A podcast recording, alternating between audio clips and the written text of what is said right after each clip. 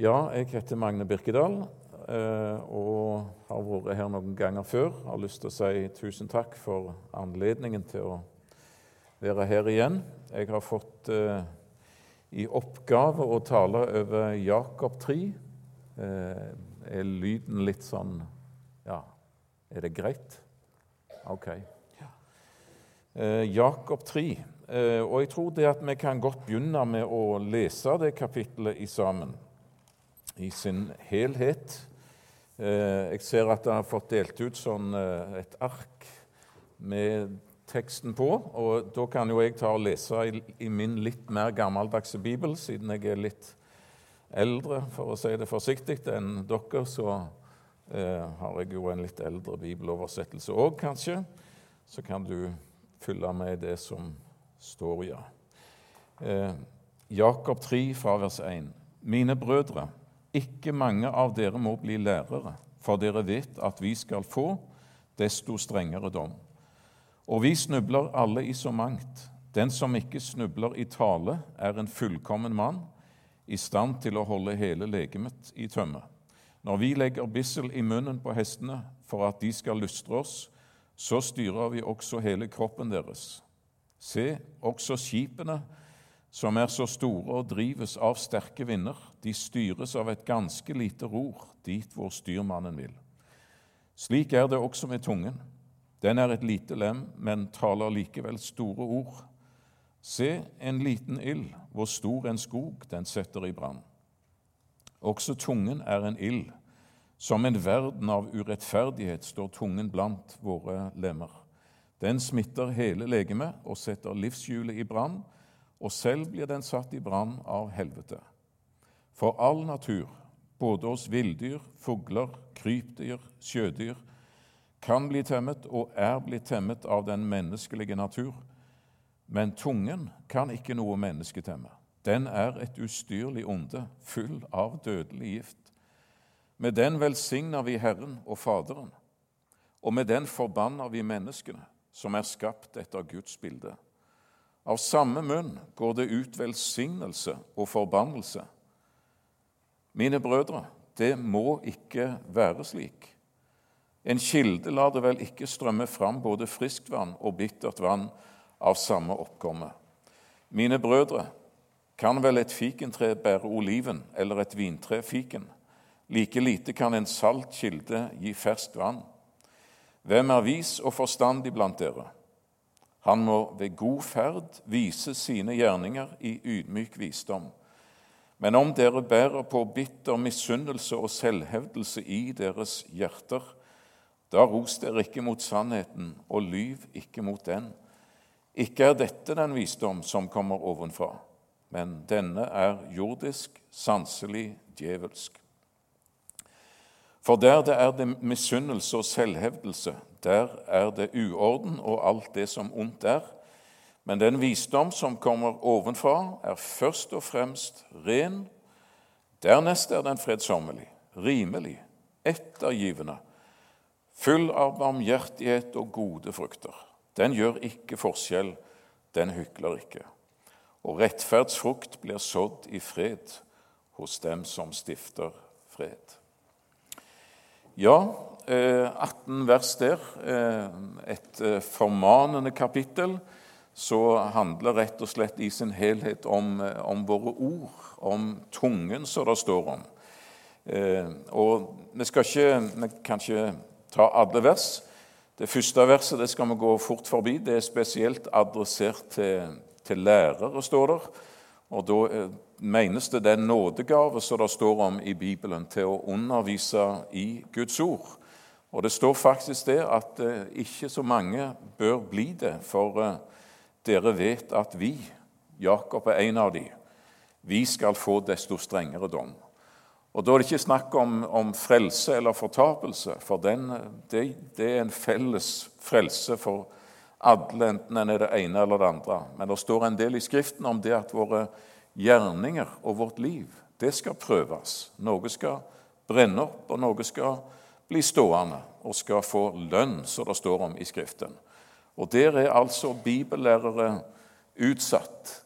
Eh, i så måte og skal bedømmes desto hardere. Fordi at hvis en har eh, fått se mye i Guds ord, så gir det òg et ansvar, og det, det, vil bli prøvd både motiver for å forkynne og eh, lydigheten, og om en sjøl preker til seg sjøl, eller om en bare liksom ga det videre, eller om en sjøl eh, var altså den som tok imot ordet med all ydmykhet og innretta seg det etter det, ikke bare delte det videre. Det er et veldig alvorlig ord, syns jeg, som står i Matteus 12, vers 35 til 37. Ehm, og det står jo til oss alle. Det står et godt menneske bærer fram gode ting fra sitt gode forråd. Et ondt menneske bærer fram onde ting fra sitt onde forråd. Men det sier jeg dere, hvert unyttig ord som menneskene sier, skal de gjøre regnskap for på dommens dag. For etter dine ord skal du bli kjent rettferdig, og etter dine ord skal du bli fordømt, sier ordet. Ordene er nemlig sjelens speil. Eh, de forteller hva som er i ditt indre. Vi hørte noe om det til å begynne med. Det som hjertet er fullt av, det taler munnen. Og hvis, eh, hvis du hører Jesus til, så tilhører du ham med kropp og sjel og hele deg og legeme, og da er alt òg dine ord skal være innvia til ham. Vel, eh, vi går videre i teksten vår, og vi skal stoppe ved noen eh, ord mer enn noen andre der. Eh, og Egentlig syns jeg det er veldig fint at Jakob i vers 2 eh, sier dette her, at vi snubler alle i så mangt. Det har vært en trøst for meg mange ganger at Jesu bror Jakob han, han sier òg det. Vi snubler alle i så mangt. Og den som ikke snubler i tale, er en fullkommen mann i stand til å holde hele legemet i tømme. Å snuble det er ikke noe du har tenkt eller planlagt.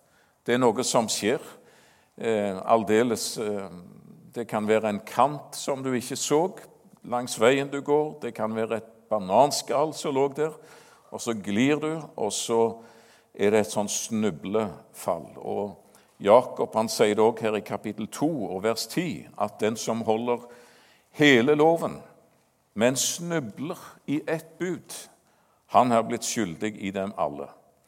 Snublesynder, om du skal kalle dem det, det er ufrivillige, uplanlagte synder. Og Det er vel noe det David f.eks. snakker om i Salme 19 og vers er det 10 han sier det, vers 13, at hvem merker vel alle sine feiltrinn? Eh, tilgi meg vær ubevisst synd, ber David. Det er synder som er ubevisste. Det er synder vi begår av svakhet. Vi blir overlista, vi snubler simpelthen. Og så er det synder òg som Bibelen taler som overtredelser, misgjerninger og andre sånn syndsbegrep som Bibelen snakker om, som egentlig betyr synd som er begått eh, ved full bevissthet og med åpne øyne. Du visste det var galt, og du visste du ikke skulle, og du gjorde det likevel.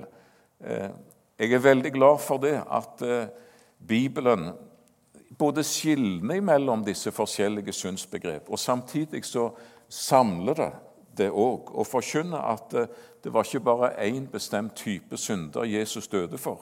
At han døde for de ubevisste syndene våre, de vi ikke merker oss, og de Snublesyndene som begikk av svakhet, ja, de tok han på seg, men han ble såret for våre overtredelser.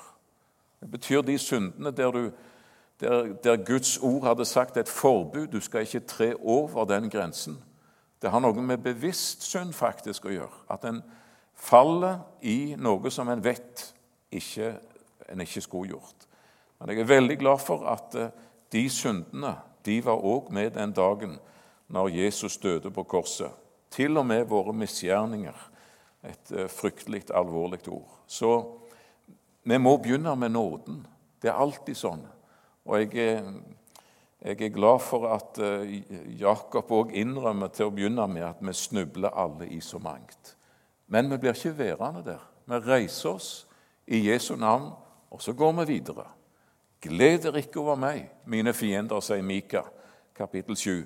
Når jeg er falt, står jeg opp igjen. Når jeg sitter i mørket, er Herren mitt lys. Så en kristen er ikke et perfekt og feilfritt menneske, men en kristen er et menneske som snubler, og som reiser seg i Jesu navn, renser i Jesu blod og går videre og møter jeg håper å si, Lever i syndenes bekjennelse og syndenes bekjempelse. Eh, jeg syns det er veldig flott det som eh, Jakob her sier eh, om ordene og deres verdi. Kan jo spørre betyr ord noe, eller er det liksom bare noe som eh, Av og til så sier vi gjerne det at det var bare noe jeg sa. Og jeg tenkte, når jeg så det med dette i dag, så tenkte jeg på David når han som unggutt kom til denne sletta ved Terrebintendalen, der eh, israelittene lå på den ene sida og filistrene på den andre sida. Og Davids brødre var utkalt til krig. Han var ikke gammel nok, så han eh, skulle ikke være der. Men han hadde med en nistepakke, og han gikk for å besøke dem. Og når unggutten David kommer, da står denne giganten på tre meter nesten midt ute på sletta og brøle ut sine fornærmelser imot Israel og mot Israels Gud, og utfordre igjen til, til tvekamp. Og David eh, ser dette. Han er øyenvitne til det, og han spør hvem, hvem er denne, denne mannen. Alle de andre israelittene de, de flykta bare de så Goliat. De var vettskremt. De hadde allerede tapt krigen før han var begynt. Og så kommer denne unggutten der, og så sier han, 'Hvem er denne uomskårne filisteren som våger å håne den levende Guds hær?' Tre meter. Det er da ingenting imot den allmektige Gud. Og så, eh, begynner, og så spør han hva skal den mannen få som går imot denne Goliat og kjemper imot ham. Og Når ryktene begynner å spre seg at det er en unggutt som har sagt sånn og sånn, da kommer Eliab, eh, storebroren til David, og tar han i jakkekraven rasende og sier at 'Hva er det du tenker på?' 'Jeg vet hvor ond du er når det kommer til stykket.' Og Det er da David river seg løs og sier at 'Hva er det jeg har gjort?' 'Det var jo bare et ord', sa han. 'Det var jo bare et ord jeg sa.' Og Så går Eliab, og så fortsetter David å si disse ordene. Og Han vet hva han vil, men han har sagt det, altså det var jo bare et ord. Og nå vet vi det at ord har vinger. Det har iallfall jeg lært i min barndom. At ord har vinger. Og, og det er òg sant at du har, du har, ikke noen kontroll over hvor de ordene flyr, egentlig. Så de ord som David sier, de går videre, og de kommer kong Saul for øre. Og David blir tilkalt, og plutselig så står han der midt på dalen, midt i dalen eh, imot Goliat. Eh, og så vet du hvordan det gikk. Men det begynte altså med et ord som satte ting i bevegelse. Det er jo bare et ord. Det var jo bare et ord, sa David. Men det satte altså alt dette i bevegelse. Og et ord, det er ikke bare et ord. Et ord skaper noe, det gir noe, det gjør noe. Og det minner Jakob oss om i dette kapittelet. Et ord kan være så positivt, sier han, og det kan være så negativt. Og når han skal si de positive virkningene ved sanne og sunne ord, da sammenligner han det i vers 3 med et bissel som du legger i munnen på en hest. Og når du gjør det, så kan du være i stand til å styre hele kroppen, hele hesten faktisk, ved dette vesle bisselet i hestemunnen. Og Positivt er det òg når han sier det at et skip, et kjempeskip, og utsatt for sterke vinder og strømninger, Men likevel så er det kontroll, for der står en mann ved roret. Et lite ror, men det roret det styrer altså dette skipet i havn og ut utenom brenninger og alt dette. Og et ord, sier han i teksten vår, kan velsigne. Vi velsigner Herren. Det betyr egentlig vi priser og takker Herren. Men det kan òg velsigne mennesker og være til gagn for dem. Og det kan være som en kilde med klart vann å drikke av. Det er de positive tingene han sier ved, ved ord, men det kan òg misbrukes. Det kan være, sier han, som en liten ild som antenner en kjempebrann, som fører til død og til ødeleggelse. Vers 8 så sammenligner han ord med dødelig gift. Bildet er egentlig en giftslange som sprer gift. Og Sånn er det òg med giftige ord, sier han. Det bringer forbannelse, eh, og det kan være som forgifta, bittert vann som mennesker drikker av, og som fører til skade og smerte og død. Så Jakob og hans brev det ansvarliggjør oss i, i forhold til våre ord. Mine brødre, sier han, det, det må ikke være slik at med vår munn og med samme munn så velsigner vi og priser vi Herren, og så forbanner vi vår neste. At en står på et møte og, og synger av hele sitt hjerte og takker for frelsen og er lykkelige, priser Jesus, og så går han ut og så møter han sin neste, eh, enten det er på arbeidsplassen eller hvor det er, og så stifter du branner, og så sprer du dødelig gift. Og så bringer du forbannelse over et menneske som, som Jesus elsker, som Gud har skapt, og bringer ureint med. Det var jo bare et ord, sa David. Han visste jo at det var mer enn det, og det satte ting i bevegelse til han sto der ansikt med, ansikt med denne Goliat. Og jeg leste nettopp Jeg har lest flere ganger i, i denne boka av Carl Larsen, Larsson, en av, en av de fineste kunstnere, syns jeg, i uh, historien. Og hans malerier, de, der er det så mye idyll og så mye skjønnhet og så mye familielykke, egentlig, i veldig mange av hans malerier. Så når uh, hans sjølbiografi, som han skrev på sine gamle dager, ble gitt ut 13 år etter hans død. Da var det et sjokk, og det var vel kanskje derfor familien holdt eh, den sjølbiografien igjen etterpå. For alle regner han som en, et lykkelig, et, et solskinnsmenneske. Det var sånn de oppfattet han. Og så leser du denne sjølbiografien. Jeg, heter han. Og så er det egentlig veldig mye et, et åpent sår. Hvorfor?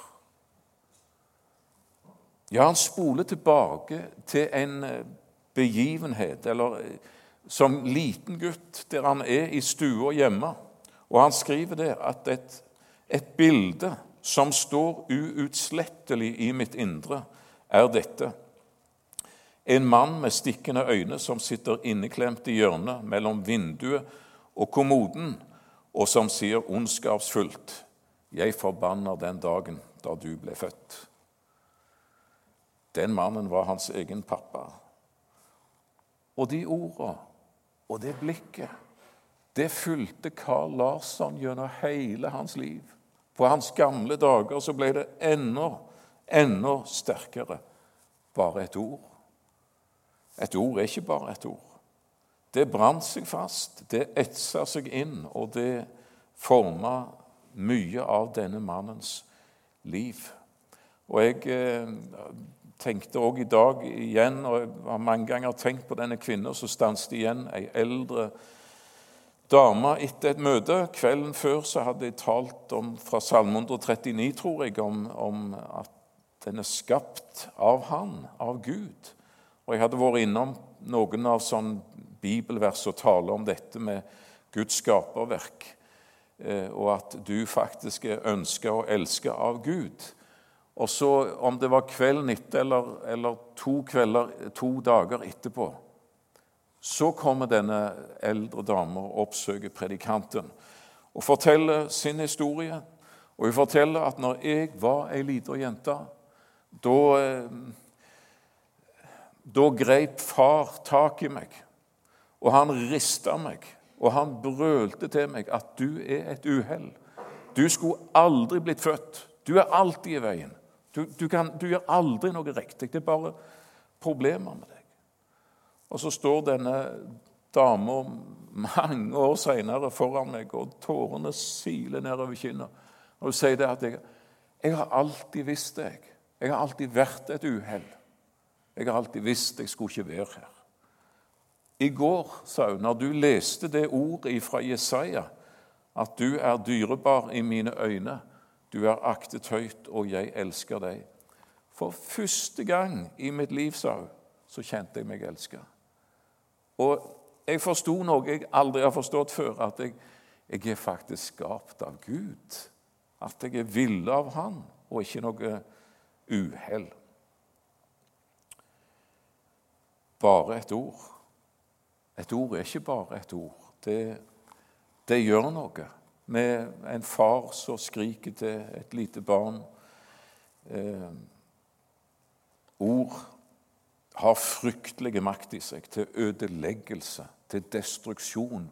Ord kan skape kriger. Ord kan ødelegge ekteskap og familieforhold. Ord er farlige, og ord er vidunderlige. For ord kan òg leke. Ord kan helbrede. Ord kan bringe velsignelse med seg, og ord kan styre et skip, altså som Jakob taler i havn, faktisk. Så ord er viktige. Eh, ja, i en særstilling Guds ord, skaperordet, frelsesordet, det som er levende. Gud som sa 'bli lys', og det ble lys og Guds ord, det vi får lov til å ha iblant oss. Eh, han sendte sitt ord og helbredet dem, og det håper jeg for denne dama at hun fikk lov til å se også dette videre og glede seg i at hun både skapt og, og frelst av en Gud som elsker, og som bryr seg om enkeltmennesker. Men vi skal òg være klar over det Eh, som Jakob da ansvarliggjør oss for, at våre ord, de skaper òg eh, De betyr noe. Ikke bare Guds ord, men dine ord er òg viktige. Ja, gjennomsnittlig leste jeg i dag, så bruker vi visstnok 70 000 ord daglig. Eh, noen mindre, og noen er jeg helt sikker på de bruker 70 000 pluss. Eh, og det er Storm P, den eh, lune danske humorist, han har sagt det sånn at det er pussig med de relativt få ord vi har i vårt språk, at det kan sies så mye sludder. Det er sant. Eh, og så mye godt. Efeserbrevet 4, vers 29, det er et veldig praktisk ord som er retta til oss som hører Herren til. Der står det noe vi ikke skal snakke om, og det står om, om det som positivt er. La ikke råttent snakk gå ut fra deres munn, men god tale som er nødvendig til oppbyggelse og gir noe til dem som hører på. Skitne vitser og vittigheter og alt sånt, ehm, og mange andre former for, for det som er råttent. La ikke det gå ut av din munn, sier ordet. Si ikke det. Vær ikke en av de som forteller skitne eller ondskapsfulle historier. Du er Guds sønn. Du er Guds datter. Du skal ikke gjøre det, rett og slett. Så praktisk er ordet.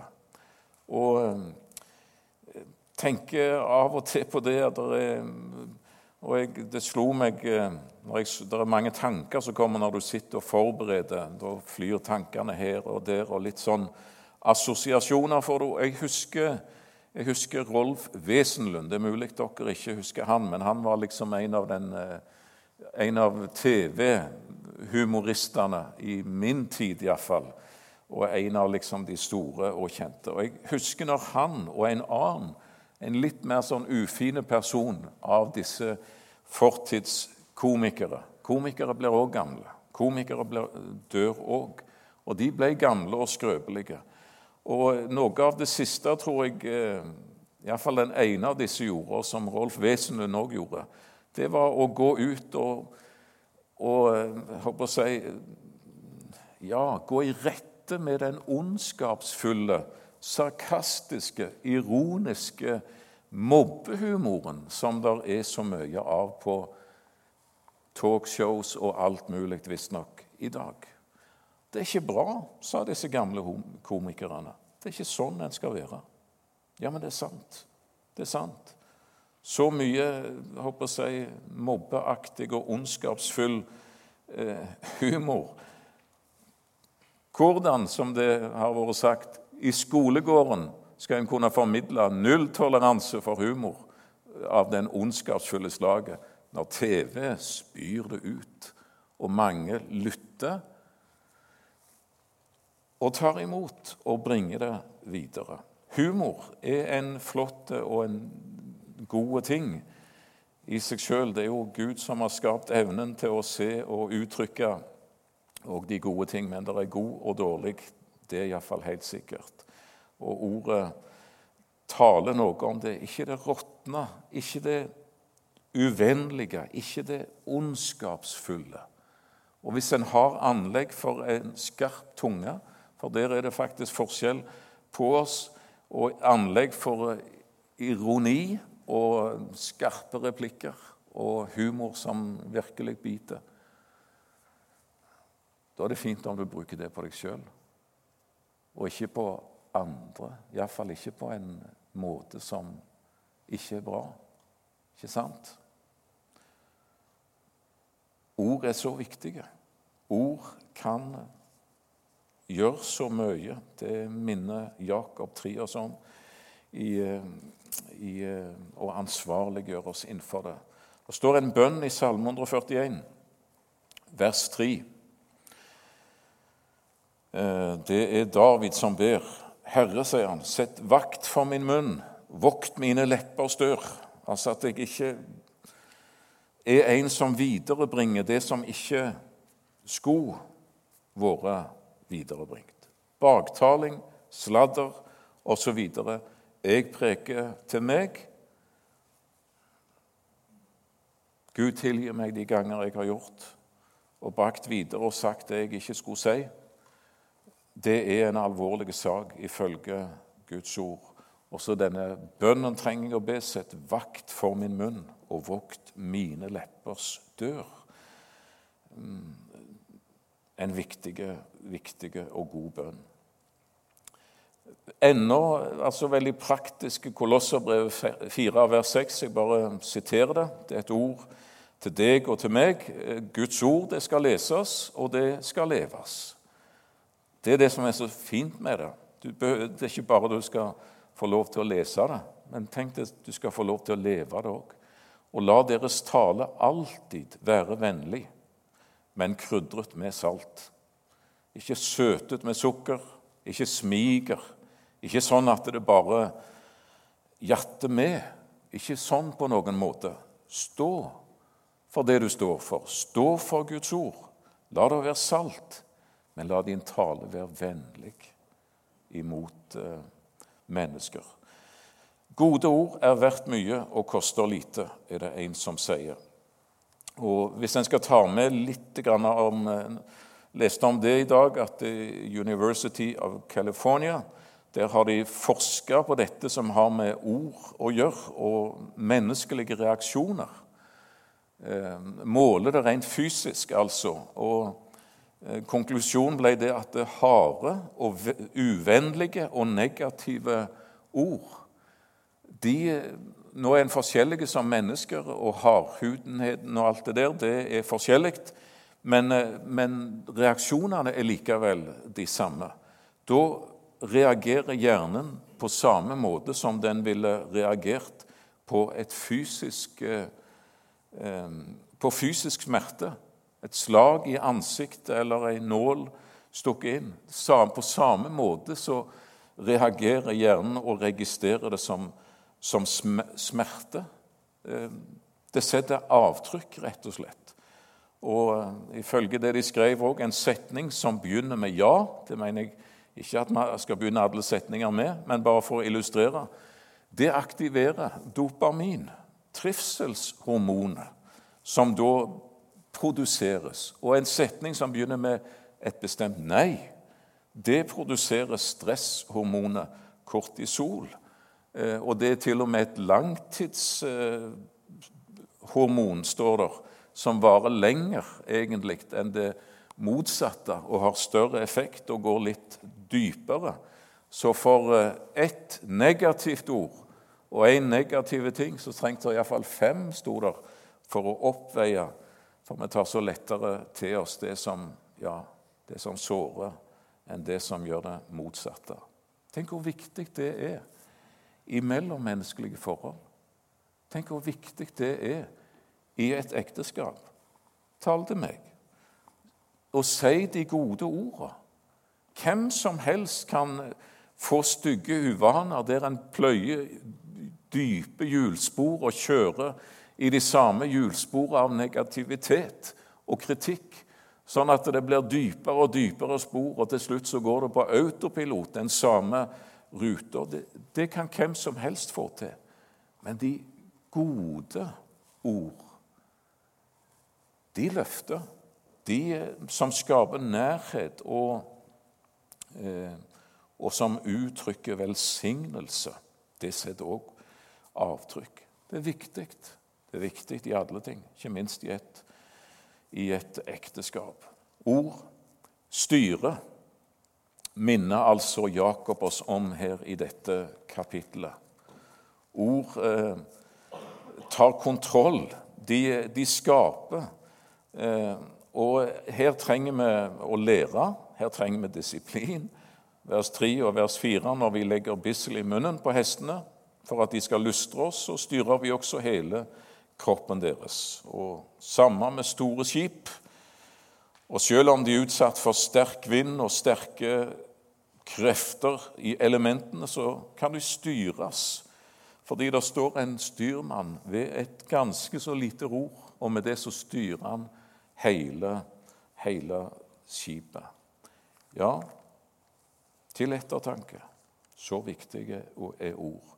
Og jeg vil eh, Nå mot eh, slutten så vil jeg eh, rett og slett minne om det ordet som vi møter en god del i Bibelen, som er et veldig viktig ord. Det ordet som sier 'å bekjenne'. Bekjenne. Det, ordet betyr egentlig å si det samme som, å si etter eller å samstemme. Og Det betyr at eh, det er ikke noe du har funnet på sjøl, men du, du, sier det samme som en annen har satt foran deg, og så gjentar du det. Det betyr ikke etterplapre, men det betyr rett og slett å si det samme som Gud sier. Det som Han har sagt i sitt ord, at vi da bekjenner, sier det samme som Han har sagt. Og Det er to former for bekjennelse i, eh, i Skriften som vi gjerne kan legge merke til. For det første så er det syndsbekjennelse. Eh, altså det vil si det samme som Herren sier om mine synder. At det som er Hans ord, det får tale til mitt liv, og at ikke jeg unnskylder eller bortforklarer eller har andre spesielle definisjoner for meg. At jeg kan i alle fall være med på det. Nei, altså at en bekjenner synd. Dersom vi bekjenner, sier det samme som, altså Herren, om våre synder, når Han taler om synd i mitt liv, at jeg da bekjenner det for Han bringer det fram i lyset for ham. så er Han trofast og rettferdig, så Han forlater oss syndene og renser oss fra all urettferdighet. Det står det mye om i Skriften. Vi, nevner bare det ene ordet synsbekjennelse. Og det andre form for bekjennelse vi har, det er trosbekjennelse. Du kan gjerne si at synsbekjennelse på en måte er negativ, det taler om våre synder. Men trosbekjennelse, det er det positive Da bekjenner vi Jesus. Og Det står der eh, i neste kapittel i 1. Johannes, kapittel 2 og vers 3. Den som bekjenner Sønnen. Her er det ikke syndserkjennelse, men her er det bekjennelse av Sønnen. Har også Faderen. Vi er bekjennere, vi som hører Jesus til.